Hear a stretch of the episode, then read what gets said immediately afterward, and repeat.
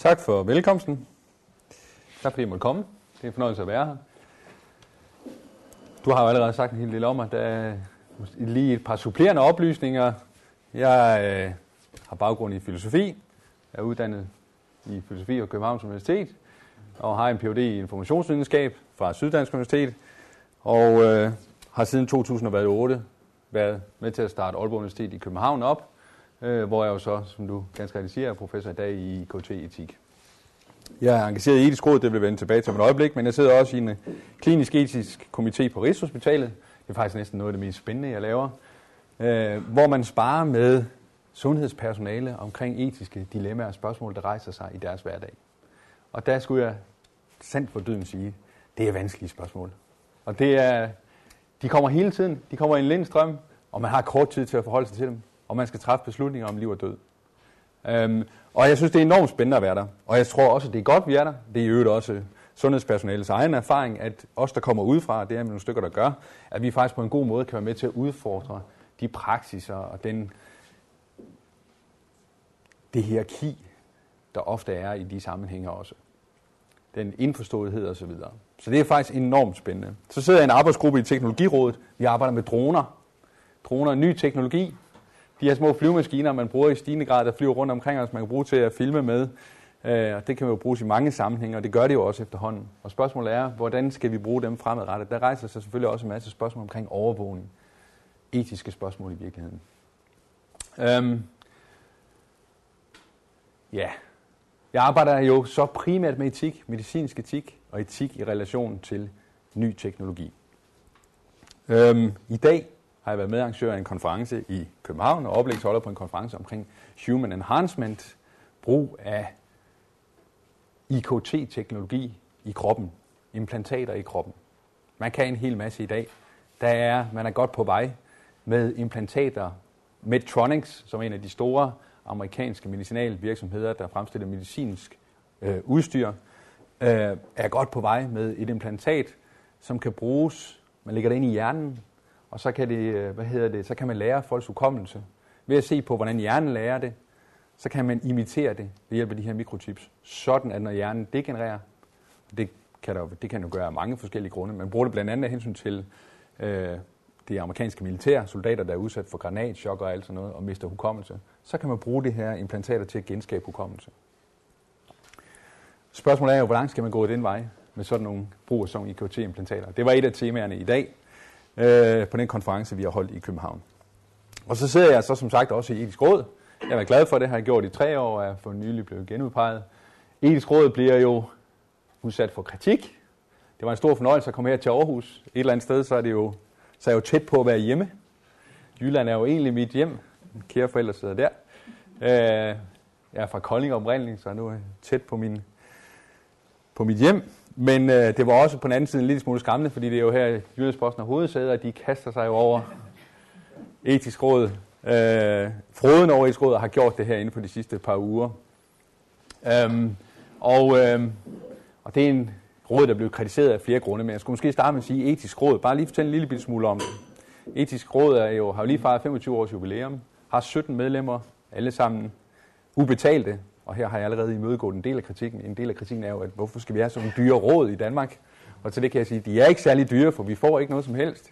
Jeg skal være glad, hvis jeg får min parkeringsbillet betalt. Øhm, og jeg, jeg tror, vi i gennemsnit ligger 15 timer om ugen oven i vores almindelige arbejde. Så det er ubetalte medlemmer, 17 medlemmer, og øh, der sidder folk, der som jeg arbejder med etik, der sidder også sundhedspersonale, og så sidder der sådan lidt forskellige andre personer. Øhm, og vi laver rapporter, vi giver høringssvar. Vi har jo lige for ganske nylig forholdt os til et, et kontroversielt emne som juridisk kønsskifte. Skal man give folk, der føler, at de er fanget i en krop, mulighed for sådan rent juridisk at skifte køn, uden at man hvad hedder det, opererer dem, uden at man skifter på, køn på dem fysisk. Øh, og det er jo et rigtig godt spørgsmål. Der er et lovforslag, det kommer i høring, og det sidder vi så og diskuterer i etisk råd. Og øh, så har vi nogle arbejdsgrupper, jeg er selv formand for en arbejdsgruppe, der arbejder med sundhedsdata. Hvad skal vi gøre? Vi samler masser af sundhedsdata op. Lige nu der centraliserer vi indsamling af sundhedsdata på Statens Serum Institut.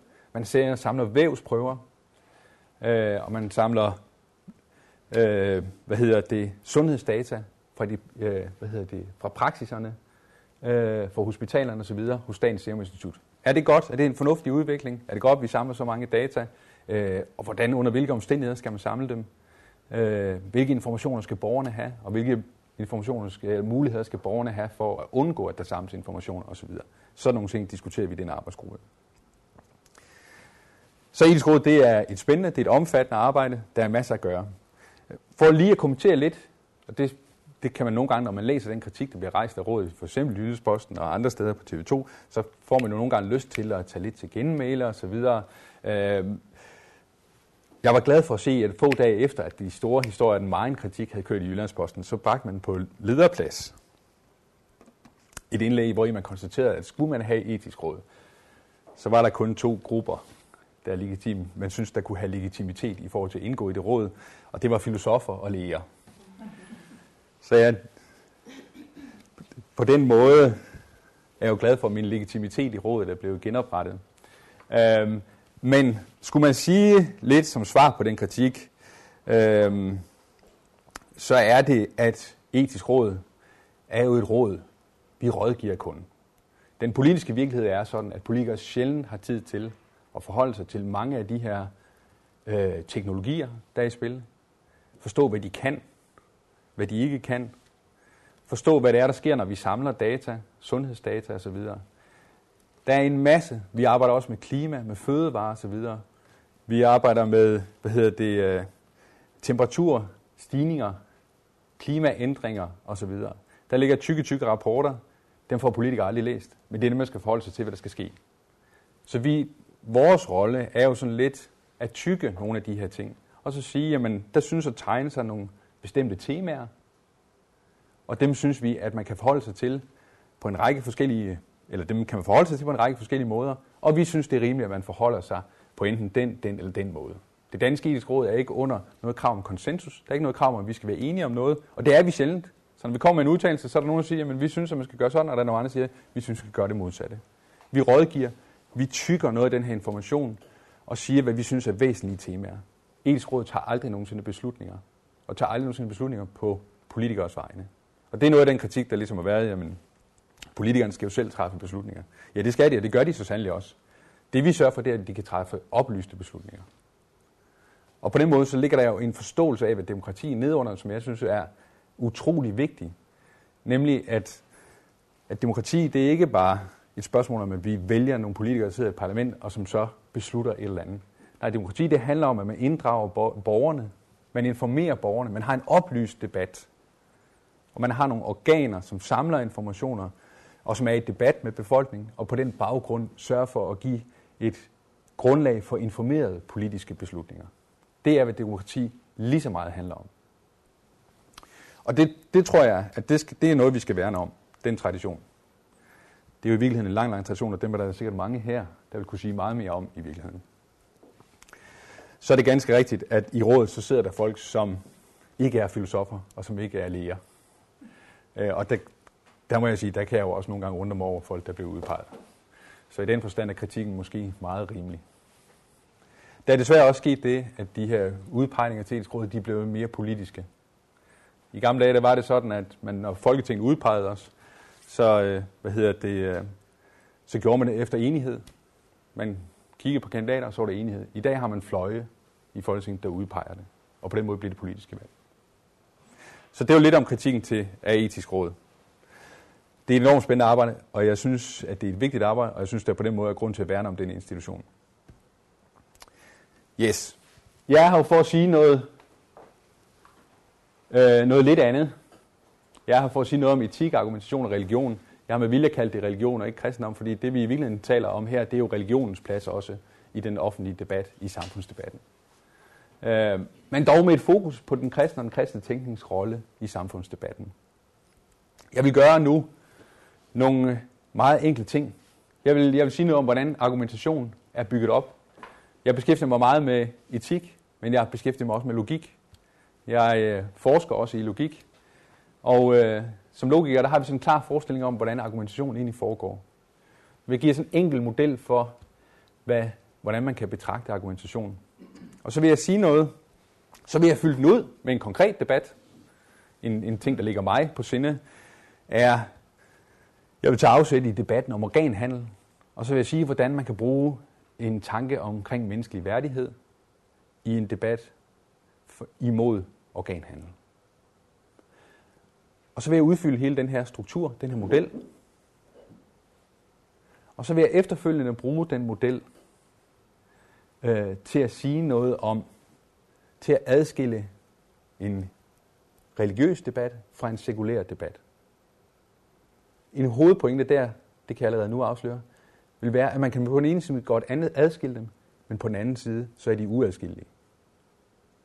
Og så endelig så vil jeg sige noget om forskellige typer af måder, man kan engagere sig på i debatten, også med afsæt i den her, hvad hedder det, model, jeg har opstillet. Men lad os starte med den model. Den er udtænkt af en engelsk logiker, der hedder Toulmin. Og han sagde, jamen, øh, mange logikere, de har, som jeg har en tendens til at sige, at når vi argumenterer, så opstiller vi nogle præmisser, og så har vi en konklusion. Og så har man en tradition for ligesom at præmis 1, og så skitserer man præmis 1, og så udfylder man præmis 1, så har vi præmis 2, og så har vi måske præmis 3, og så har vi en konklusion i en streg, og så må, kommer der en konklusion ned under. Han sagde, det, det kan vi i virkeligheden, sådan nogle argumenter, dem kan vi repræsentere ved hjælp af nogle diagrammer. Og sige, vi kan sige, vi har en eller anden påstand, som vi gerne vil lade op med. Det skal være vores konklusion, det vi gerne vil vise. Og den påstand kunne jo være, at gaden er våd, og det er sørgeligvis aktuelt. Så jamen, hvis vi frem til den påstand, så vil der jo typisk være nogle præmisser. Så dem kan vi ordne diagrammatisk på den her, eller dem kan vi, der vil være et belæg for påstanden. Det kunne være, at det regner. Men, siger han, en hver logiker indser jo med det samme, at det følger ikke sådan rent logisk, at bare fordi det regner, så er gaden våd. Det gør det desværre ikke. Man kan kun komme fra det her forhold, at det regner, over til, at gaden er våd, hvis der er en eller anden mekanisme, som binder de to ting sammen.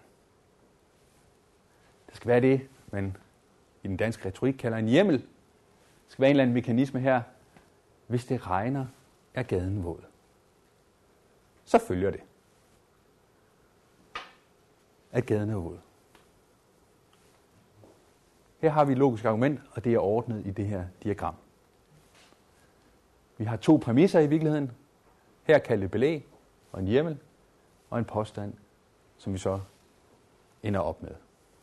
Og så siger han, så udbygger han en lille bitte smule. Ofte når vi argumenterer, så vil der også komme sådan en styrkemarkør på, hvor ofte gælder det her. Gælder det altid, eller gælder det kun en gang imellem? Og siger han, så vil vi typisk også begynde at begrunde den her mekanisme, som bringer os fra belægget over til påstanden. Vi vil begynde at lave rygdækninger. Jeg skal sige, at det er ikke mig, der har fundet på de her danske betegnelser. Jeg de er måske en lille smule morsomme, men det er nu engang det, de kaldes. Øh, så har vi en eller anden rygdækning, vi har en eller anden forklaring, en eller anden, øh, nogle årsag-virkningssammenhænge, nogle kategoriseringer osv. Regn, jamen det er vand, og vand det er en væske, og øh, væsker de gør overflader våde. Så kan man have endnu mere rygdækning, hvor vi uddyber det her og forklarer det yderligere, hvad det er for nogle sammenhænge. Vi kan bevæge os ned på molekyleniveau osv. Men en rygdækning, som begrunder den her hjemmel, den her virkningsmekanisme, som tager os fra, det regner til gaden er våd. Sådan virker meget argumentation, og rigtig meget argumentation kan holdes inde bare for de her tre kasser.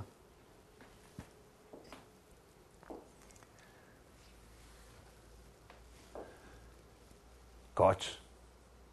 Så lad os tage et eksempel. Organhandel.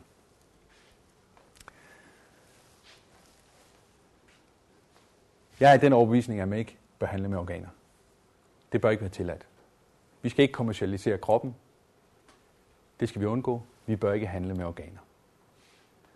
Hvordan kan jeg komme frem til den konklusion?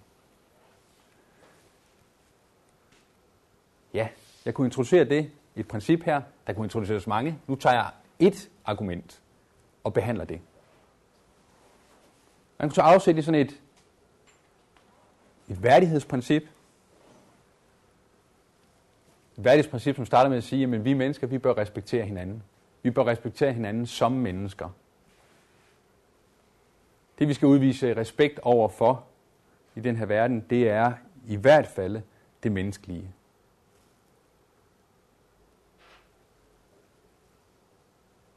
Og så kunne man sige, jamen, hvordan viser vi respekt for andre mennesker, som mennesker? Ja, hvordan man kommer frem til det, det skal vi vende tilbage til om et øjeblik. Men man kunne sige, at måden vi respekterer andre mennesker, det er, at når vi ligesom vil gøre et eller andet med dem, når vi vil bruge dem til et eller andet, for eksempel i sundhedsvæsenet, når en læge vil gøre et eller andet med os, når han vil intervenere i vores krop, så viser han respekt over for os ved altid at få vores samtykke til, at det må han godt. Respekt for hinanden som mennesker, det opnår vi ved altid at have informeret samtykke, når vi vil intervenere i hinandens liv. For eksempel en læge. Man kan også bredere sige, at respekt det handler om, at vi altid sørger for at behandle hinanden sådan, at vi ikke dehumaniserer den anden. At vi trækker menneskeligheden ud af mennesket. At vi gør mennesket til noget andet end menneske.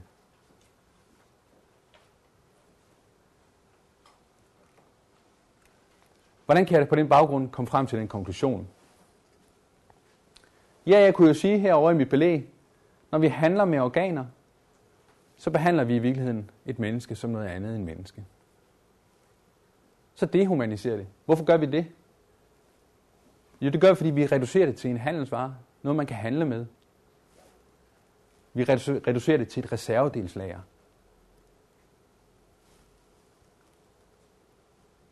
Vi dehumaniserer det. Man kunne også tage den anden del af det her med respekt, nemlig respekt, det handler om samtykke. Og så kunne man sige, at i mange situationer, her har vi jo faktisk styrkemarkøren indbygget herover. I mange situationer, der vil det være sådan, at mennesker, der, vil ønske, der ønsker at sælge deres organer, de ønsker det, fordi de er fattige mennesker. De er i dårlige socioøkonomiske omstændigheder. De har dårlige socioøkonomiske vilkår at leve under. Og hvis man skal give et gyldigt samtykke, det ved en hver læge, så må man ikke presse folk til at give tilsavn, til at give samtykke. Så er det ugyldigt. Det kan man ikke bruge til noget. Hvis man vil respektere folk, hvis man vil respektere deres ønsker, så hjælper det selvfølgelig ikke, at man presser dem til at give samtykke, til at give tilsavn til et eller andet, man vil have dem til. Her er påstanden, jamen i mange situationer vil mennesker, der sælger deres organer, de vil i virkeligheden være presset af deres omstændigheder. De vil være presset af deres fattigdom.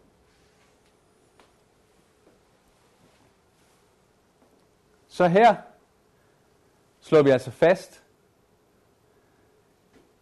at organhandel, det i virkeligheden er dehumaniserende. Organhandel vil i hvert fald i mange situationer udelukke et gyldigt samtykke.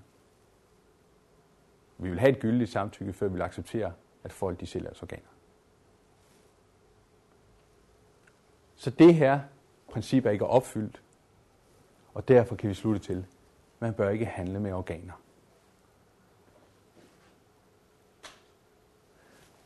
Men det er virkelig, virkelig interessant her, når man går ind i den her debat.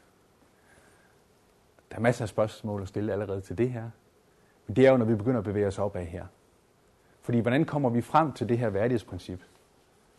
Hvordan kommer vi frem til det her krav om, at vi ikke må dehumanisere, eller et krav om et gyldigt samtykke? Vi bliver nødt til at have en yderligere begrundelse, vi bliver nødt til at have en yderligere forståelse af, hvad mennesket er. Og der kunne vi jo for eksempel gå til Immanuel Kant, en tysk filosof, som jo er faktisk en af ophavsmændene til det her begreb om menneskelig værdighed. Kants tankegang det er, at menneskets værdighed er knyttet til, at vi som mennesker har en helt unik evne. Vi gør noget, som ingen andre ting eller skabninger og andre væsener gør. Og det gør vi i kraft af, at vi er fornuftsvæsener. Vi danner mål og planer for vores liv og for vores handlinger. Ting, vi vil opnå. Og dem forfølger vi. Vi udfordrer vores fornuft. Hvad er mine mål? Hvad er mine planer? På kort sigt, i dag, i morgen, om en uge. I det her liv. Hvad er det for planer, jeg vil realisere? Hvad er mine værdier? Og så forfølger vi dem i handling. Og han siger, menneskelig værdighed er knyttet til lige præcis det her forhold. At vi på den måde udfolder vores fornuft til formål og planer, og at vi så forfølger dem i handling. Hvis vi skal respektere det, og det siger han, det skal vi. En lang udledning af, hvorfor vi skal respektere det. Hvis vi skal respektere det, så respekterer vi det ved, at vi ikke at vi giver mennesker frihed til at forfølge deres mål og planer. Vi skal give dem frihed i tænkning. Vi skal lade være med at manipulere mennesker. Vi skal ikke manipulere mennesker til at forfølge de mål, som vi har. Nej, vi skal give mennesker frihed til i deres tænkning og forme mål, som de forfølger. Og så skal vi selvfølgelig også give dem frihed i handling til at forfølge målene. Så selvfølgelig med den begrænsning, at når de forfølger de mål, så respekterer de også andres mulighed og frihed til at forfølge deres mål. Måden vi giver dem den frihed på, det er, at vi sørger for aldrig at bruge dem til at opnå de, de mål, vi vil opnå. Vi skal ikke gøre dem til trækæsler for vores formål og for vores planer. Kan tale om, at vi må ikke gøre dem til midler. Vi må ikke reducere andre mennesker til midler. Man taler om en ikke-instrumentaliseringsret. Vi har en pligt til ikke at instrumentalisere andre. Andre har en ret til ikke at blive instrumentaliseret. Værdighed er knyttet til den her udfoldelse af fornuft, at man danner mål og planer og værdier, og at man forfølger dem i handling. Vi respekterer værdighed ved ikke at instrumentalisere andre. Ved ikke at gøre dem til redskaber for de mål, vi har. Og så er det gode spørgsmål jo, jamen hvordan sikrer vi, at vi ikke instrumentaliserer andre? Ja, svaret er jo meget enkelt. Det er jo meget lige til. Det gør vi jo ved at spørge dem. Hvis vi vil bruge dem til noget, hvis vi har nogle planer og nogle mål, som involverer andre, vi gerne vil have andre med til, så en måde, vi sikrer os på, at vi ikke har reduceret dem til kun at være midler, til kun at være redskaber for vores mål, det er selvfølgelig at spørge dem, om det er forenligt med deres mål, også at være med til at hjælpe os med at nå de mål, vi vil opnå. Så ud af den tænkning, der kommer kravet om samtykket. Når man sidder hos lægen, så når lægen spørger om et samtykke, så er det lige præcis for at give patienten en mulighed for at sige, ja, det er det, jeg gerne vil. Hvis du oven i købet mener, det er en god måde at blive rask på, så hvis du gør sådan ved mig, så er det forventeligt med mine mål også, at du nu intervenerer i min krop på den måde, som du har tænkt dig at intervenere på. Så ud af Kants tænkning, ud af Kants forestilling om, hvad værdighed er, der kommer altså kravet om samtykke. Vi beskytter værdighed i virkeligheden grundlæggende gennem kravet om et samtykke. Så der er en anden kendt, man kunne også gå en anden vej her. Der er en kendt amerikansk retsfilosof, der siger, ja, det kan godt være, at Kant er på sporet af, hvad det handler om det her. Men han kan ikke helt alligevel redegøre for, hvad menneskelig værdighed er. Han siger, han har det, man kalder The Happy Slave, tankeeksperimentet. Tankeeksperimentet om den glade slave. Han siger, forestil jer en mand, der er træt af sit liv, som lever i en anden tid, en anden tidsalder, under andre samfundsforhold, han bliver rigtig godt og grundigt træt af sit liv. Han kigger sig rundt omkring i samfundet. Hvad skal han finde på? Der ser han en slaveejer, der har slaver. Og han kigger på de slaver og siger, at de har en simpel og på mange måder atroværdig tilværelse. Det er ganske vist lidt ensformigt og lidt hårdt, det de laver. Men øh, det har en enkelhed over sig, som jeg tror, og de får deres mad hver dag. Så han går hen til slaveejeren, og så siger han, nu skal du høre, jeg melder mig frivilligt. Jeg vil være slave. Og så siger slaveejeren, og så må du heller lige skrive under her. Sørg for at ordne i tingene. Og så indrullerer han ham som slave. Med alt, hvad det indebærer. Så han får tæsk og pryl hver eneste dag, som de andre slaver. Han bliver behandlet som en slave. Fra morgen til aften ude i trædemøllen, og han bliver pisket og slået. Og så siger, spørger den amerikanske retsfilosof Mirdan Cohn, spørger så, er der noget galt med at behandle ham sådan? Er der noget galt? Noget galt med at piske ham og spytte på ham? Sparke til ham? Er der noget galt?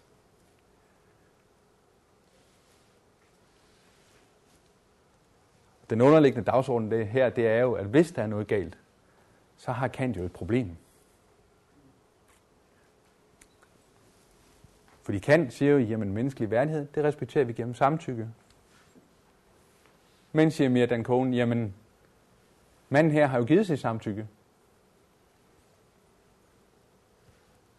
Vi kunne ordentligt købet forestille os, at vi gav manden fortrydelsesret. Sagde slaveren hver morgen mødte op og sagde, ønsker du også i dag at være slave? Og han bekræfter, ja, men jeg ønsker også i dag at være slave.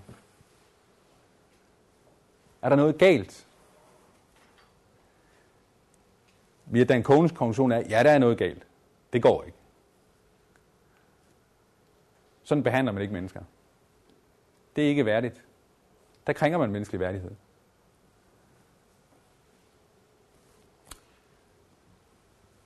Så ud af hans tænkning, det er konklusionen på hans tænkning, der kommer kravet om ikke at dehumanisere. For, siger han, det der går galt, når vi behandler en slave på den måde, det er, at vi behandler ham som noget andet end et menneske. Vi gør ham til noget andet. Vi gør ham ovenikøbet formodentlig være til en, en, et, en et dyr. Så vil vi ikke engang behandle et dyr. Vi trækker menneskeligheden ud af ham. Vi krænker en grundlæggende værdi en grundlæggende værdighed, som knytter sig til selve det menneskelige. Så ud af hans tænkning, der kommer også et begreb om værdighed, og med, som hernede bliver et krav om ikke at dehumanisere.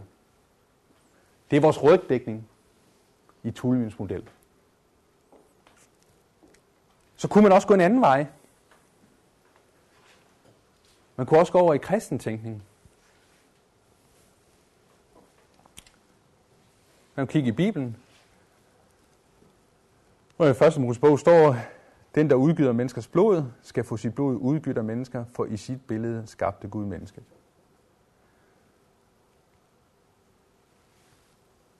står i salmerne, det var dig, der dannede min nyre, du flettede mig sammen i min mors liv. Jeg takker dig, fordi jeg er underfuldt skabt.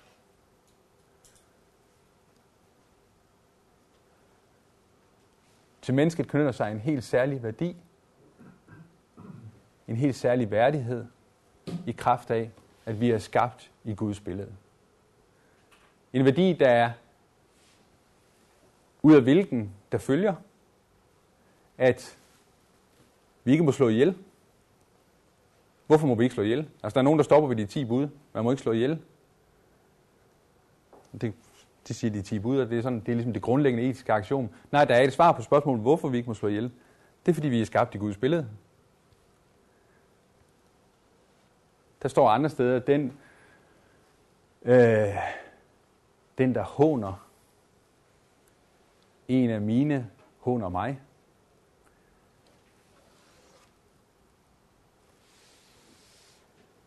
Fordi vi er skabt i Guds billede, ud af er der knyttet en særlig værdi til os, og ud af den flyder der etiske krav til, hvordan vi skal opføre os over, hinanden, over for hinanden. Vi må ikke slå ihjel, så krænker vi den værdi. Vi må ikke håne, så krænker vi den værdi.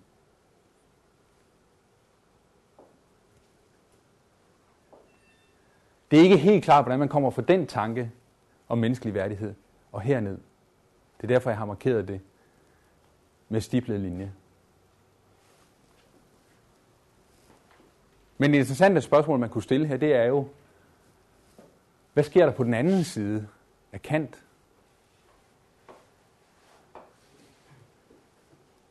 Hvad sker der bag Kant? Hvad er det, der begrunder Kant?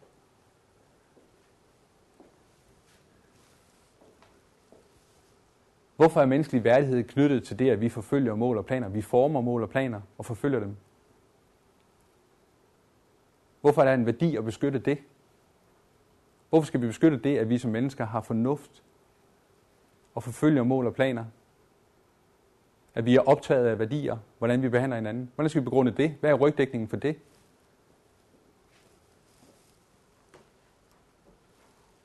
Og hvor kommer den værdi, som Mirdan Kohn taler om, vi krænker, når han siger, at vi behandler et menneske som en slave? Hvor kommer den værdi fra? Det sjove er, at man kunne jo gå den her vej. Jeg vil sige, at den erfaring, Mirda en kone taler om her, det vi krænker, det er den værdighed, som er lagt i os i kraft af vores gudsbilledelighed.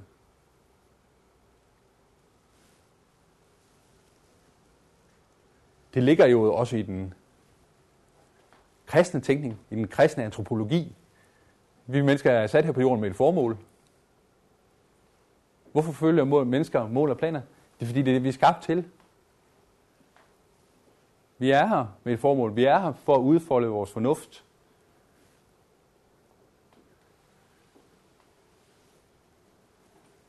Vi er her for at udfolde Guds plan. Vi er her for at være i en relation til Gud og til mennesker. Så den vej kunne man gå. Det kunne være rygdækningen for den tænkning, man finder både hos Kant hos Mirdan Cohn. Man kan gå den direkte vej, men det kan også ligge bagved heroppe. Så når man begynder at spørge til det her, når vi begynder at spørge til begrundelserne, yderligere begrundelser, jamen så er det jo nærliggende at tage fast i kristen tænkning.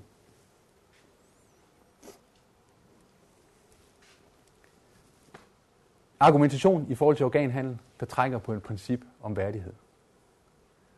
Hvad siger det her om forholdet mellem sekulær og, hvad hedder det, religiøs debat? Her har vi strukturen. Uh, man kan sige, at alt, der sker på de her punkter i argumentationen, kunne man kalde sekulær debat. Der er ikke nogen referencer til Gud, der er ikke nogen referencer til religion.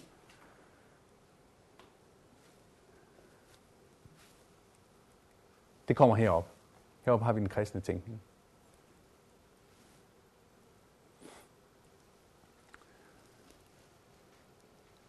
Det diagrammet her viser, det er, at vi kan adskille vi kan adskille sekulær argumentation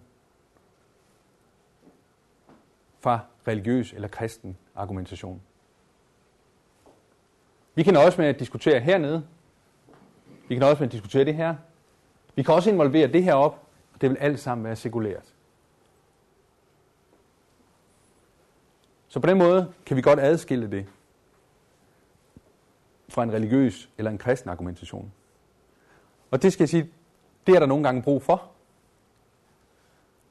Det er min klare erfaring. Men det, det, når man sidder i etisk råd, og man gerne vil nå den her konklusion hernede,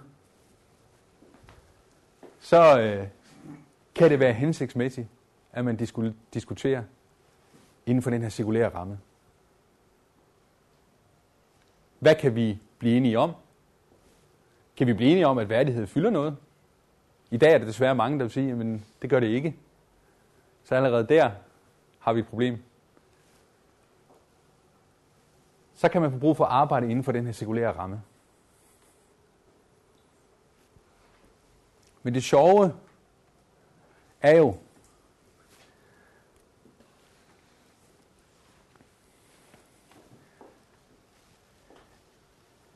at medmindre vi holder os hernede, og ikke tillader os at spørge os selv til begrundelsen, men vi bare hele tiden bevæger os i sådan nogle aksiomer her, menneskelig værdighed, det er det her. Hvis vi ikke tillader os at spørge til begrundelsen for det, så kan vi bevæge os i en ren sekulær debat. Men det er en debat uden begrundelser. Det er en debat uden nogen som helst bud på, hvad mennesket er. Det er, bud, det er begrundelser, hvor man afskriver hele vores kulturhistorie, hele den vesterlandske filosofi.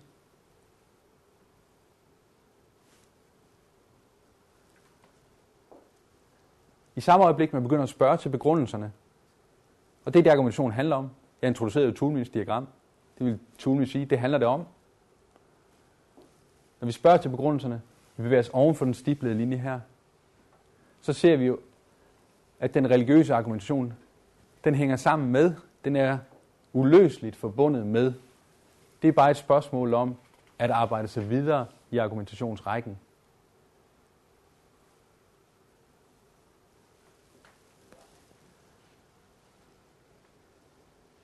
Hvis vi mener, at der er gode grunde til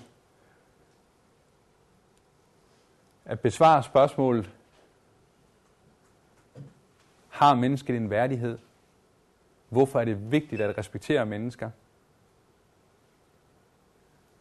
Og hvad indebærer det at respektere mennesker og respektere menneskelig værdighed? Hvis vi mener, at der er gode grunde til at besvare det spørgsmål, og det kunne jo være et spørgsmål om en hvilken som helst anden værdi også en værdighed. Hvis vi mener, at der er gode grunde til det, så er der gode grunde til at have religion og kristen tænkning med. For religion og kristen tænkning giver et bud på det, og er en naturlig fortsættelse af den argumentationsrække. Den er uløseligt forbundet med den argumentationsrække, som man finder i filosofi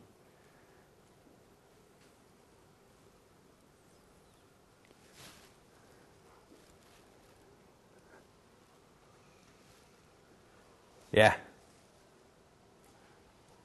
Til sidst. Hvordan kan man engagere sig i debatten? Hvordan kan man, man engagere sig i sådan nogle debatter her?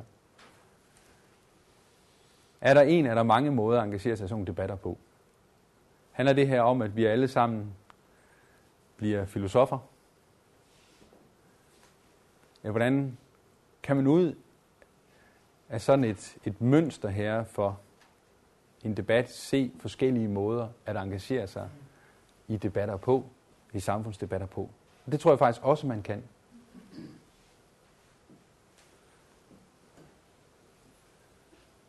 Her har vi sådan et argumentations forskellige elementer. Og jeg kan se, at mennesker engagerer sig i sådan en debat som den her på mange forskellige måder. Hernede har vi konklusionen, man bør ikke handle med organer.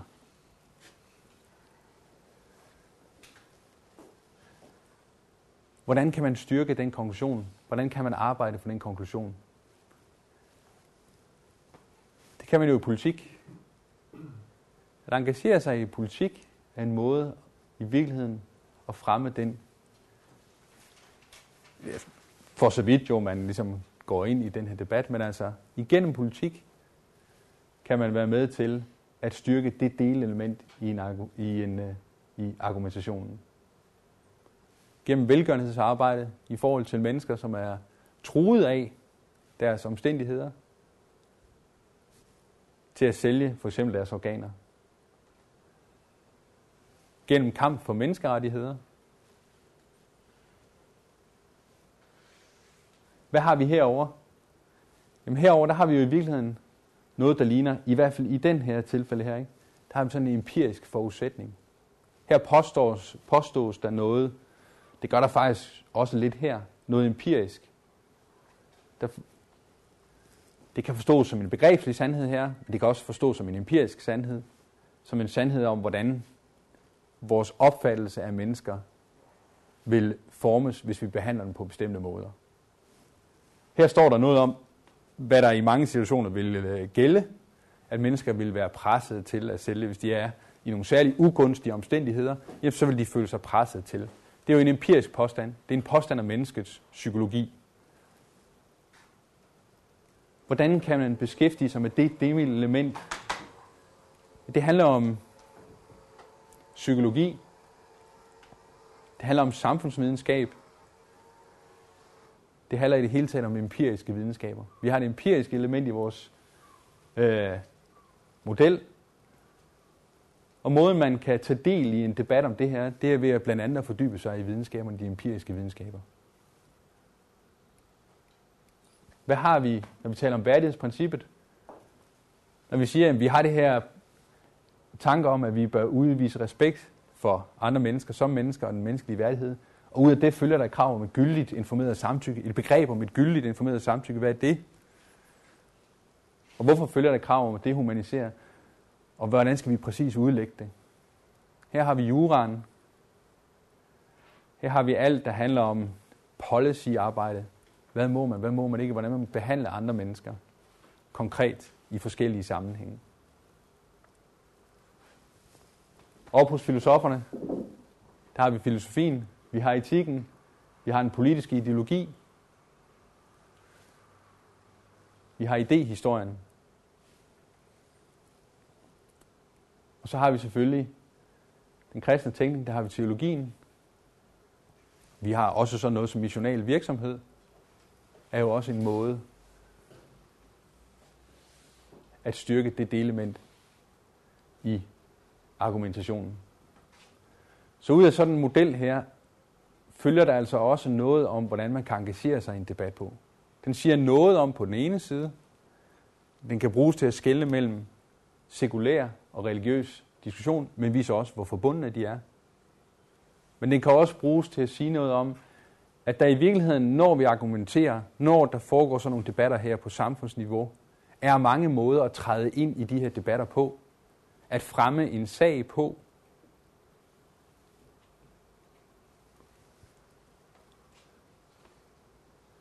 Og i virkeligheden er det jo vigtigt,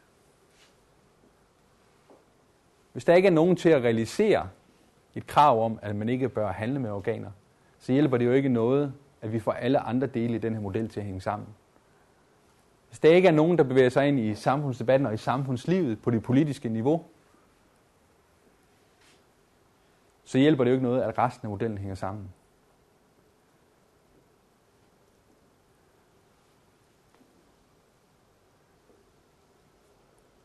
Hvis vi ikke har en teologi, der kan fortælle os, hvad Bibelen siger, eller hvad kristendommen siger, eller hvad den kristne historie siger, kristne tradition og praksis siger om værdighed, så kommer vi jo heller ikke, i hvert fald med afsæt i et værdighedsbegreb, til en konklusion om, at man bør ikke handle med organer. Så på den måde bliver mange forskellige aktiviteter, mange forskellige engagementer i virkeligheden væsentlige. Mange forskellige typer af fagligheder væsentlige.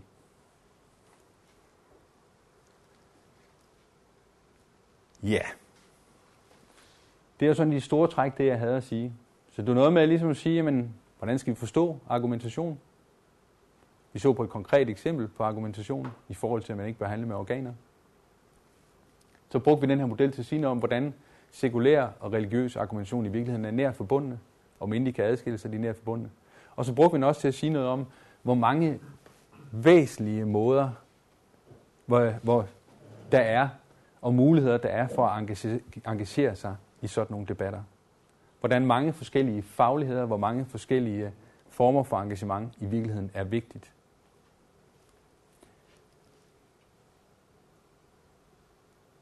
Og det sidste er, at man kan jo ikke, næsten ikke lade være med at tænke på øh, den her tanke om, at vi jo alle sammen er grene på et træ. Vi alle sammen har en nødvendig funktion. Ja. Jeg tror, at det, er, det var nogenlunde det, jeg havde at sige. Yes. Tak.